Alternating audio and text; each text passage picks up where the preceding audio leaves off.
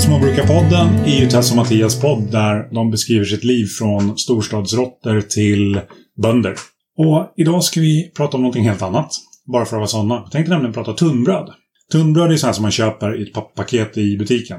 Och det säger jag lite grann för att provocera Pernilla. Jag sitter här med Pernilla i hennes kök. Och eh, vi ska prata just tunnbröd. Och Pernilla, vad är tunnbröd för dig?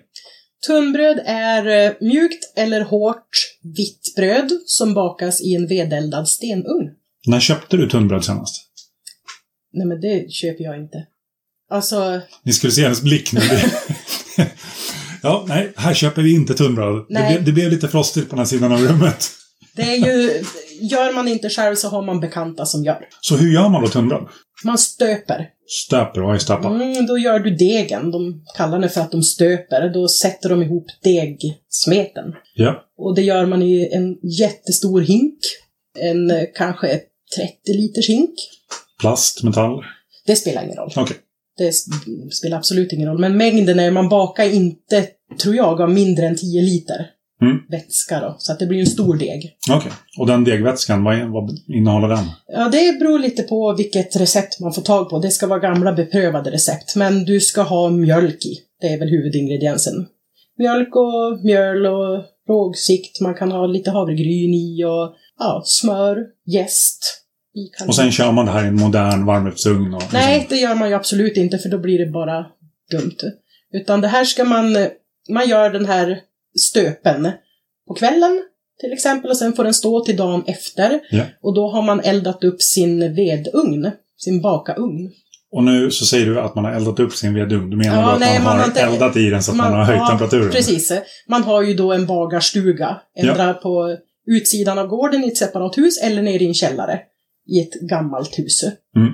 Eller man kan väl i och för sig bygga ny också, men det finns också el, elugnar. Okej, Men det är fusk. det är fusk. Ja, nej, men här ska, här ska ugnen eldas upp. Ja, och då är det en tegelugn som man stoppar in vedträd i. Ja, Björk, asp, vad som ja och helst. så Så får det bli elda. varmt. Ja, man börjar elda egentligen dagen innan. Så att muren är helt, att den är varm och bra tills på morgonen efter när man ska börja baka. Så du eldar inte medan du bakar? Jo då. Okej. Utan då, är- då har du en jättefin glödbädd. Och när man ska sätta igång och baka, när man har gjort alla bullklumpar som man raddar upp för att förbereda. Ja.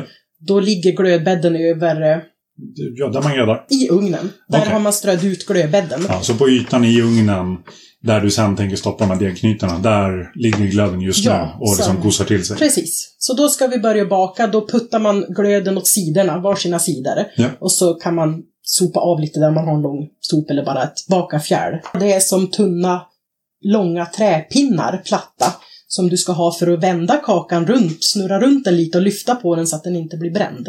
Okej.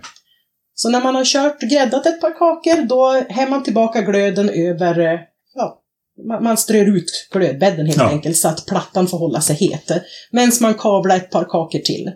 Sen är det dags igen, då flyttar man på glöden och så skickar man in kakorna. Okej. Så att i korthet då så tar man massa mjölk och mjöl och lite annat, gott, smått och gott. Yes.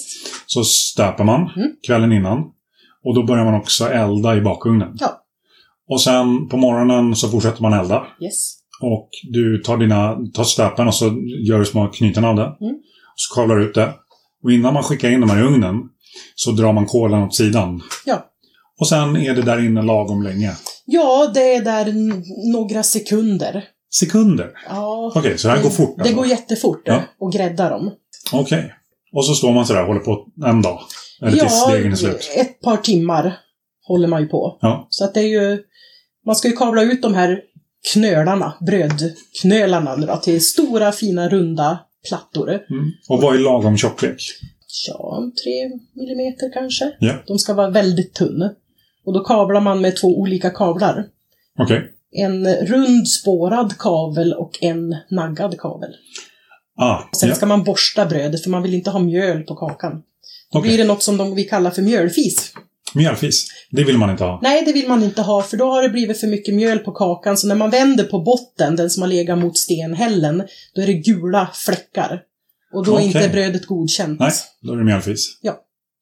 Då har vi lärt oss att mjöl, mjölfis vill man inte ha. Nej. Tack för det Pernilla. Tack!